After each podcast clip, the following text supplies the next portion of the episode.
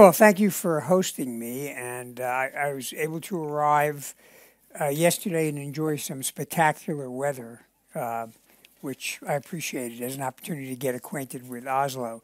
Before I begin um, on cybersecurity, let me just uh, briefly digress uh, to make a, an observation. Um, as you probably read, um, Senator John McCain passed away over the weekend. Um, he was an American hero. I had the privilege of working with him when I was Secretary of Homeland Security and staying in touch with him after. And going back to his days uh, when he was uh, in the Navy and shot down in Vietnam, up until literally the moment he drew his last breath, he was a consummate public servant. Um, many of you probably have heard the story that when he was in a Vietnamese prison camp, he was offered the opportunity to leave early because his father was the commander of the Pacific Fleet for the U.S. Navy. And he refused to leave because he felt that would betray his uh, comradeship with his fellow soldiers uh, and would look as if it was an effort to take advantage of his father's status. That is the embodiment of honor. And, in, you know, in a day in which there's a lot of skepticism about institutions and norms, uh, reminding ourselves what honor and norms are about is sometimes very refreshing. So, um, you know, our my condolences to his family. He will really be sorely missed. Um, so, let me step back and uh, again, I appreciate the opportunity to talk about this issue, which has been very much in the news, uh, not just in the U.S. but around the world. if I step back to when I was in office in the early part of this century, um, you know, we were aware of cyber threats, but most of what people were thinking about were activities by criminals, stealing credit cards, things of that sort. That's bad, but it is generally considered to be a police matter. Um, there was also, however, the use of um, increasing use of cyber for espionage purposes.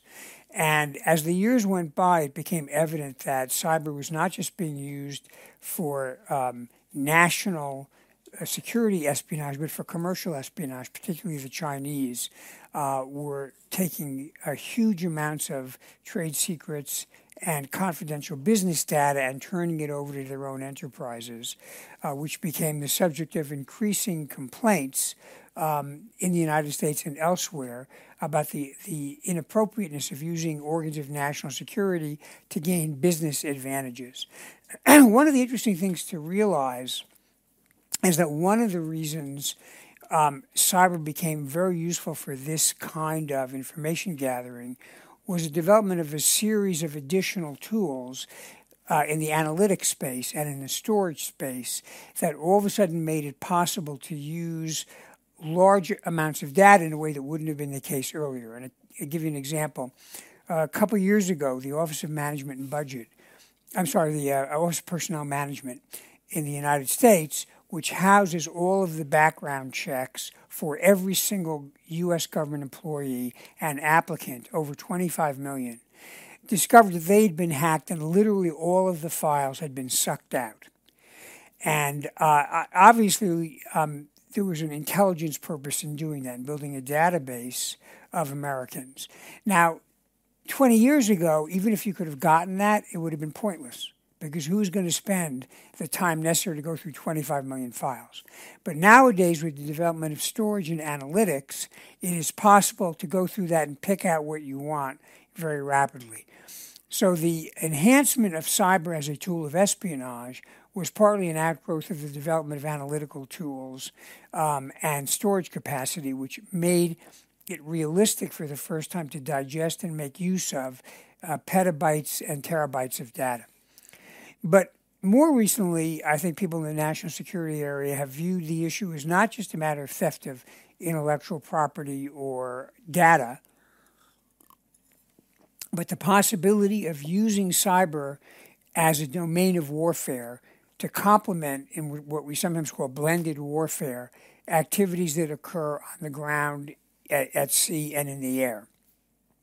We've seen examples of this through what is sometimes called hybrid warfare, uh, largely not very far from here uh, along the Russian border. And uh, what the Russians have done, this goes back to 2007, when Estonia was attacked with a denial of service attack because there was uh, anger in Russia about the pulling down or the movement of a war memorial. 2008, the invasion of Georgia, the physical invasion was accompanied by an attack on the command and control systems. So we've seen for the last 10 years this move into the domain of being yet another element of physical warfare. Even more recently, though, the destructive capacity of cyber attacks, even on a standalone basis, has become manifest. And right in our backyard here is a case in point. If you think of Maersk and what happened with the NotPetya ransomware very, very recently. Uh, as you may know, NotPetya was a, an exploit that took advantage of a vulnerability in a, in a, a version of Windows. It was embedded in an accounting software package that was developed in the Ukraine um, kind of like a TurboTax or an accounting program like Quicken. Um, and then it rapidly spread, not just in the Ukraine, but around the world, partly because in the case of Maersk, for example, they had an office in the Ukraine that was using that software package. Once the malware got into that, it spread virally across uh, all of the network.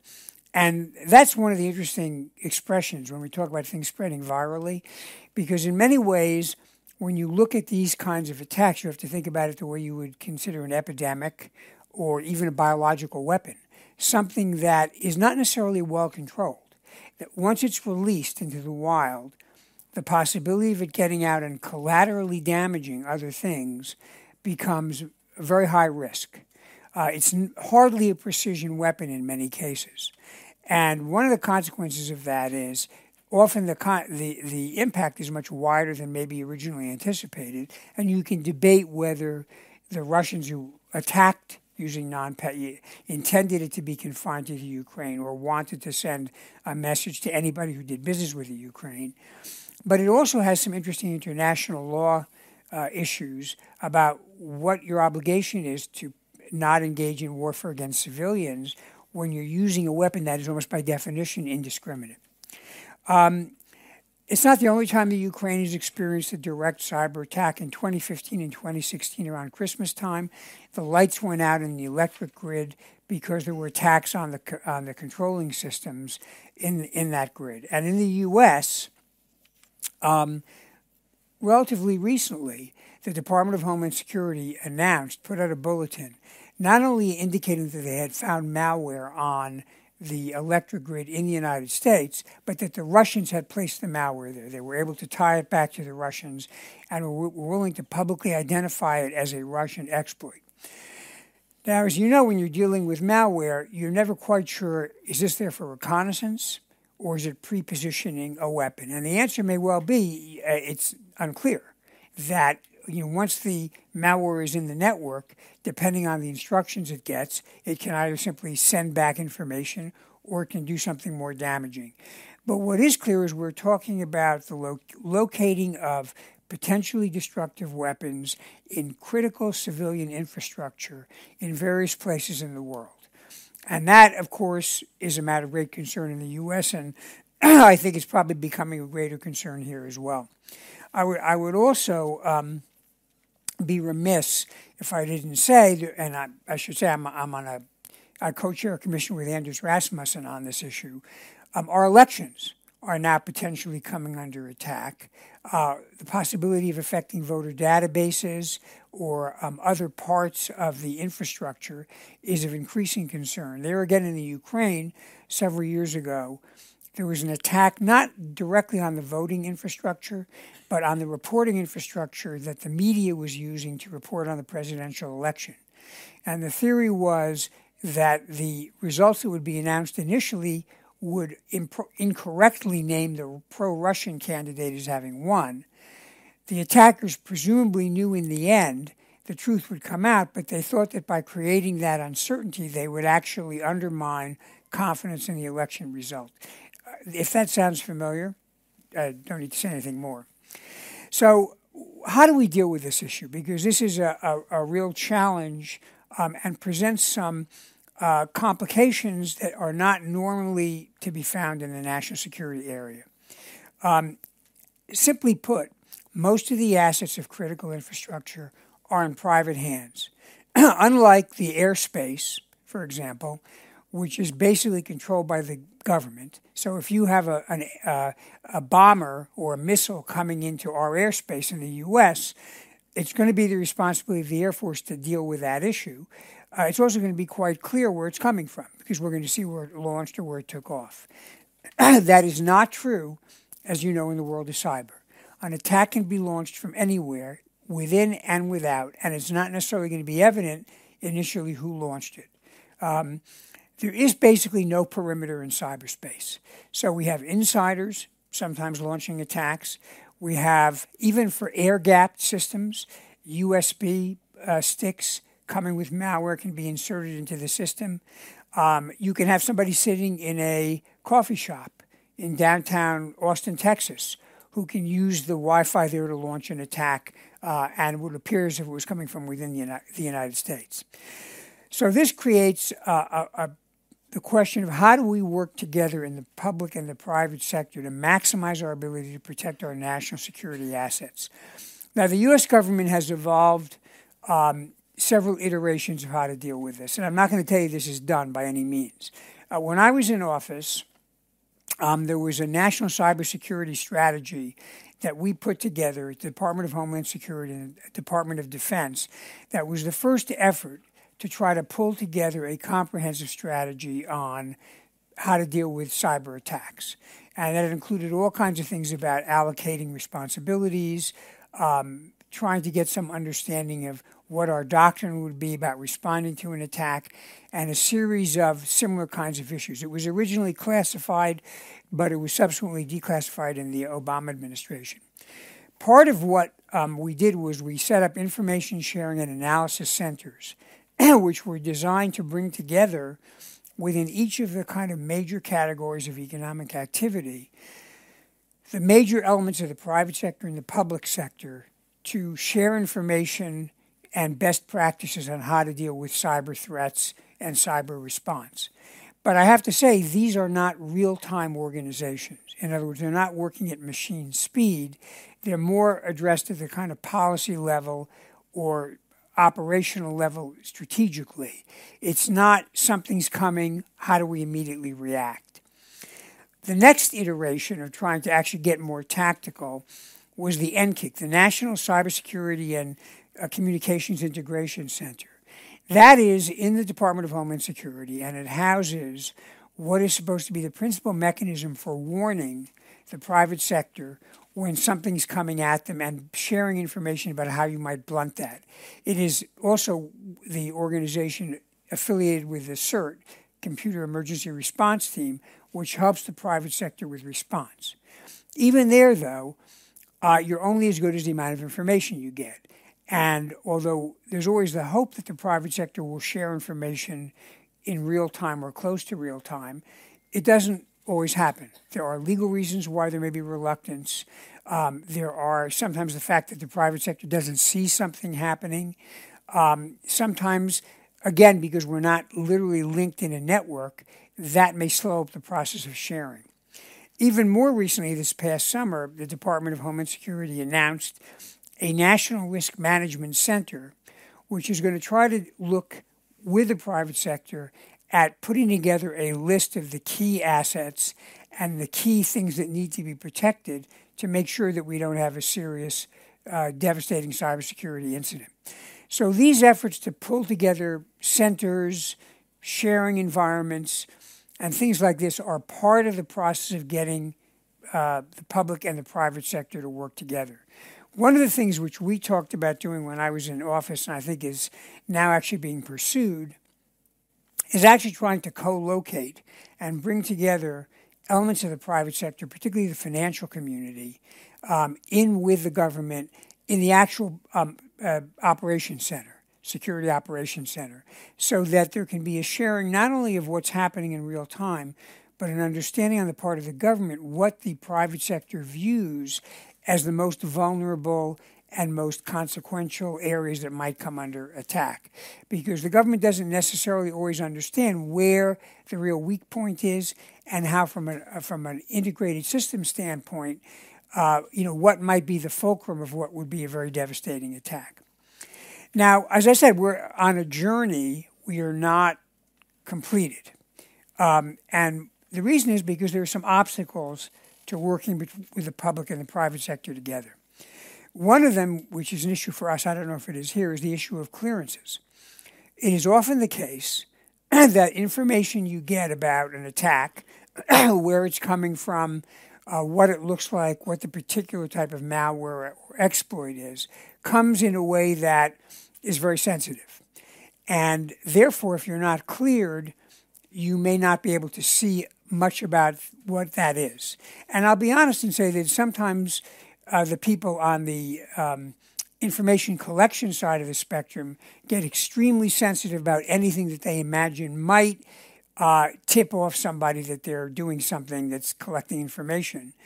On the other hand, the people who are responsible for making use of the information say, well, if we can't use it, what are you getting it for? So, balancing this and making sure we can clear more people and get them in a position where they can actually be informed, I think is one task.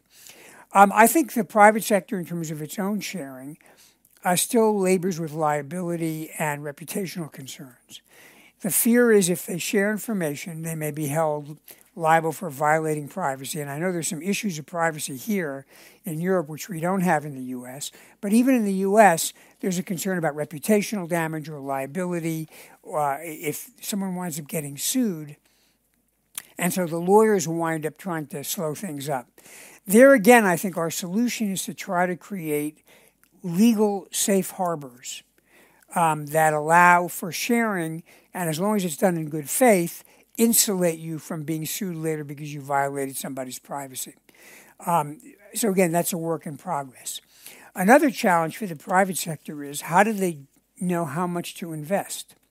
I mean, in my day job, a lot of what I do when I work with companies is to try to give them guidance uh, because they're inundated with, quote, solutions for cyber attacks. And every solution claims it's going to solve the problem. I find most of them are new companies which usually have the word blue and fire somewhere in the name. And nobody can tell the difference. You could bankrupt yourself buying this stuff. So a lot of the challenge is getting companies to understand what do they need to buy, what is out there that fits their particular needs, and then to create a financial incentive. Uh, you know, will they get a, a, lower premium with their insurance?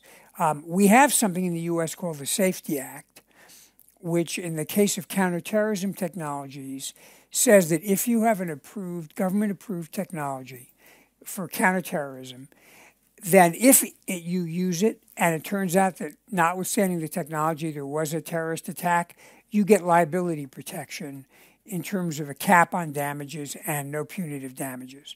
So that means for the business executive or the business owner, they can say, okay, if I invest this in the technology, I'm going to get an actually a financial benefit. And that's an incentive. And I'd like to see us move that into the area of um, cyber as well, because that would encourage investment. So let me step back and say then what do we, in an ideal world or close to ideal world, view as the role the public and the private sector ought to play together in dealing with cybersecurity? And I will begin by saying I do not think it is ever going to be entirely a government responsibility because the only way the government could be responsible would be to live on all of your networks.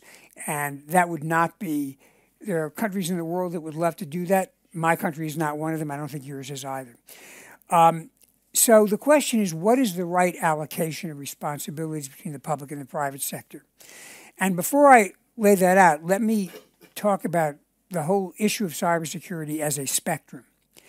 It is um, in, in the world of counterterrorism, there's the expression left of boom, right of boom. Uh, left of boom is how do you stop an explosion, right of boom is what do you do after an attack. There's a similar concept in cybersecurity. Um, you have to begin by saying, what are the threats? Who's out there and what are they trying to do? Then, what are the vulnerabilities? What are the elements of your network that are vulnerable? And then, as you start to look at your various solutions, how do you protect your perimeter? How do you deal with the endpoints when they're not inside your perimeter because everybody brings their own device to the network these days? How do you deal with the issue of identification and privileges and access to parts of the, the network? How do you monitor in real time what's going on in the network so that when you're penetrated, as you will inevitably be, you can determine that something is in there and you can take action to remediate it. What is your plan to be resilient in terms of backups, in terms of able to recover, in terms of being able to work around a problem? Then there is a supply chain issue. What about all the people that you're dealing with that are affecting your network? Your hardware supplier, your software supplier, uh, the the heating and cooling technician who came in to check your air conditioning, like they did at Target uh, up in, in Minnesota, and that there was malware on the guy's computer, and when he plugged into Target, the malware went into Target. And then what is your response? How do you deal in response once you've discovered an attack? In that spectrum, the private sector plays the major role but the government can do different things. So let me give you some examples of what the government can do. On the issue of threat, and this comes back to the point I made earlier, there are times the government can understand what is in the adversary's toolbox before the tool has been taken out and used. And although that gets sensitive because, for obvious reasons, if you are able to get into the adversary's toolbox, you don't want the adversary to know it or they'll close it. But sometimes you need to make a decision that it's more important to warn about what might be coming, uh, even if it puts some risk in terms of your collection capability. This is a version of what occurred during World War II when, as you, many of you may remember, or know, having read, I mean, I read about it. Um, Churchill, at one point, got information because of the breaking of the German military code about an attack on the city of Coventry. And he had to decide was he going to warn about the attack and then the Germans would realize the code was broken, or would he not say anything? He decided he wasn't going to say anything. And that might well have been the right decision, but that's what I call a Coventry decision, and you have to make that all the time. Next, on vulnerability, the government often is aware of vulnerabilities, as are people in the private sector, that are undisclosed. Uh, in the US, we have a process called the Vulnerability Equity Process. And what it's designed to do is to ask the question is this a vulnerability we should disclose to the uh, software designer or the hardware designer um, so they can fix it? Um, or is it something that we need to use in order to penetrate the adversary? And generally, the view, and I'm, I should say I'm on a something called the Global Commission on Stability in Cyberspace. Generally, the view is that the presumption ought to be in favor of disclosing widespread vulnerabilities because that can have a major impact on all of our citizens. And even if it means we trade off the ability to exploit it ourselves, the balance ought to be in favor of protecting our citizens. Now, obviously, if you're dealing with a, a vulnerability that's very narrowly tailored to a particular device, that let's say hypothetically is going to the dictator of North Korea, you might want to be quiet about that. But on broad, on broad range vulnerabilities, the government does have a role in disclosing those when they're discovered. On issues like perimeter, um, privileged access, endpoint security, um, and uh, di- continuous diagnosis and monitoring, here these are within the network. And the government is not going to simply sit there and look at what's in your network absent being asked to do so. So here the government probably can best give information about best practices, about the nature of malware that's been detected, about um, things that need to be patched. But the, the laboring oar is likely to be on the private sector in terms of actually carrying out these functions. On the issue of supply chain, there's uh, an interesting discussion now taking place about well, how do you help companies understand whether the hardware and software they're getting is vulnerable or not.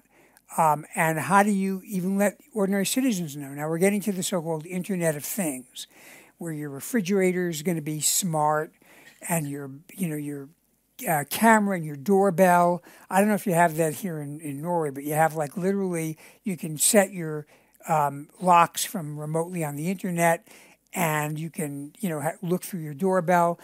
All this generates data.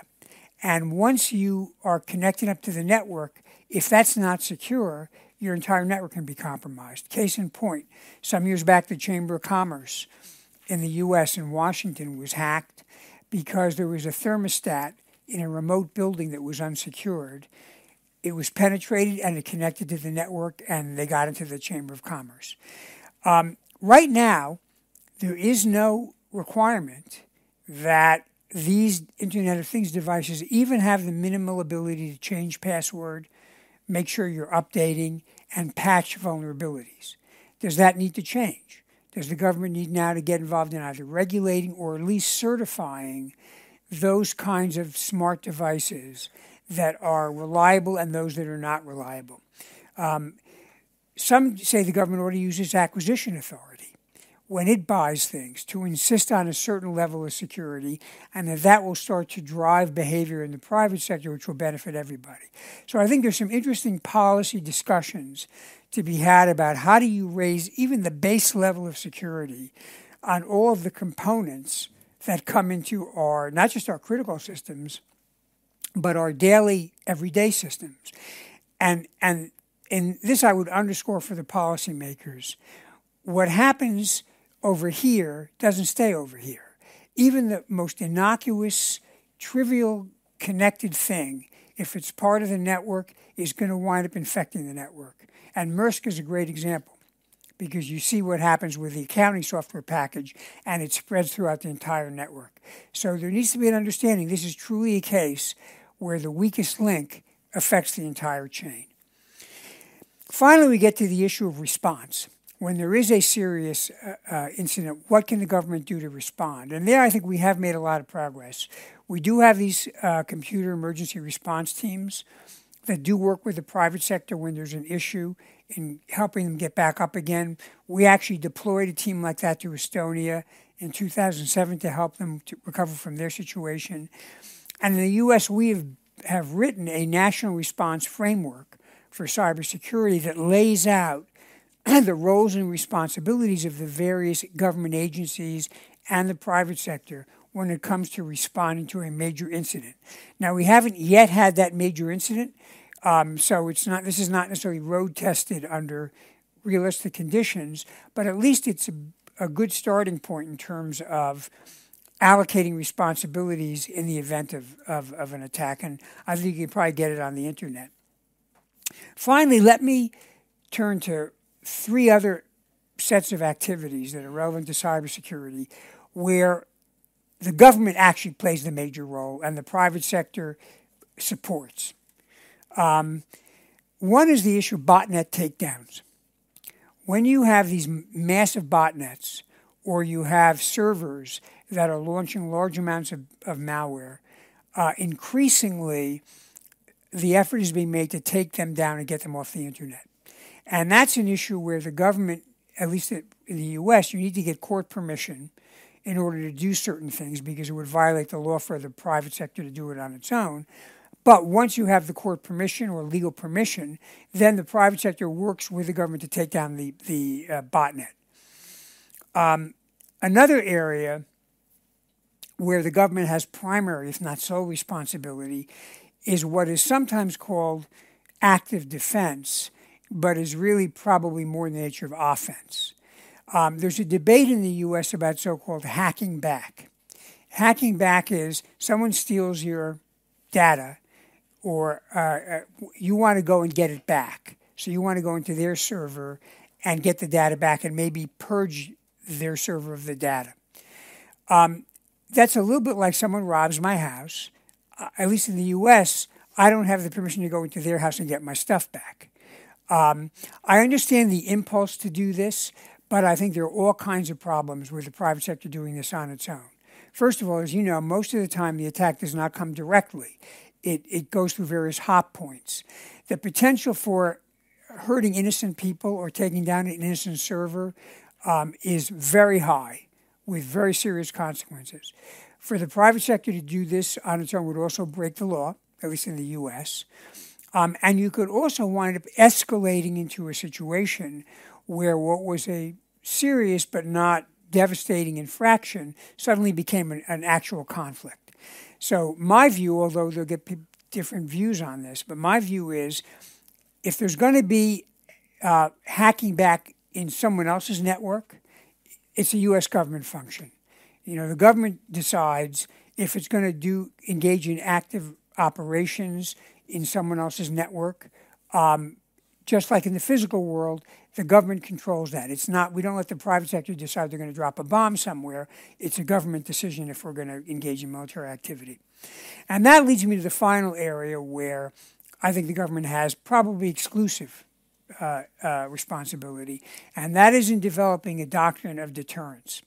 And there's a lot of debate about this now. After the nuclear age was born in the 50s, there was a project called Project Solarium and this was an effort to come up with a doctrine of warfare in the nuclear age. We take for granted the fact that there's a very strong taboo, although it may be changing, against using nuclear weapons in any case other than if you literally had, like, you know, mutually assured destruction. In other words, we don't use nuclear weapons as a kind of an alternative to an ordinary bomb or missile because we recognize once you start using a nuclear weapon, the stopping point is not clear. So there is no such thing as a, as a kind of a localized nuclear weapon. Now, we've never officially said we'll never do it, but if you actually look at the history of both Russian and U.S. activities and Chinese activities, even when things have gotten a little heated um, in various conflicts, no one has used a nuclear weapon. Uh, in the Middle East, we've come close a couple times, but again, there's been that taboo. Um, this was but by no means clear at the beginning. I mean, if you go back in the 50s, there were people who thought, hey, nuclear weapons, like, you know, it's like uh, TNT. Use it in the Korean War, use it freely. But ultimately, the decision was made that the inability to stage escalation made that uh, a strategy to be avoided. We need a similar project with cyber. What constitutes an active war in cyber? We are too prone, I find, to use the phrase warfare as a metaphor for all kinds of things that are bad, but they're not really warfare. And the danger with that is once you say something's warfare, all of a sudden there are a whole set of tools you may use that you wouldn't be able to use otherwise. So we need to really understand what is warfare. I mean, I think the U.S. is, is pretty clear that if you took down the air traffic control system and planes crashed and people died, kind of like a, a cyber 9 11, that would be regarded as an act of war. But for example, when you um, threaten, when you steal secrets, for example, as spies have done since the days of the Bible, when Joshua was sent spies into Canaan, we don't go to war. We generally complain, we'll kick a few diplomats out, but we don't launch, you know, an attack because someone stole our stuff we need to have a, an understanding of what the red lines are and what the doctrine of escalation is. And that's something the governments are going to have to do. And I know that in NATO, they're working on this with the cyber uh, center and in the U.S. as well. So that's my kind of sense of what the response is. It's a blended response. In some areas, the private sector takes the lead and the government supports. In some, they have separate domains, and in some, the government takes the lead and the private sector either plays no role or supports. Um, but one thing I will tell you is this problem is not going away. And the escalation of serious attacks with real world consequences in the physical world, the tempo has picked up. And I'm sad to say that if you want to look at a test bed or a petri dish, look at the Ukraine because everything that's being done there is something that can be done elsewhere. And uh, unfortunately for the Ukrainians, they're the test tube in which the Russians are operating with their various kinds of tactics and techniques. So, with that, I'm happy to take some questions.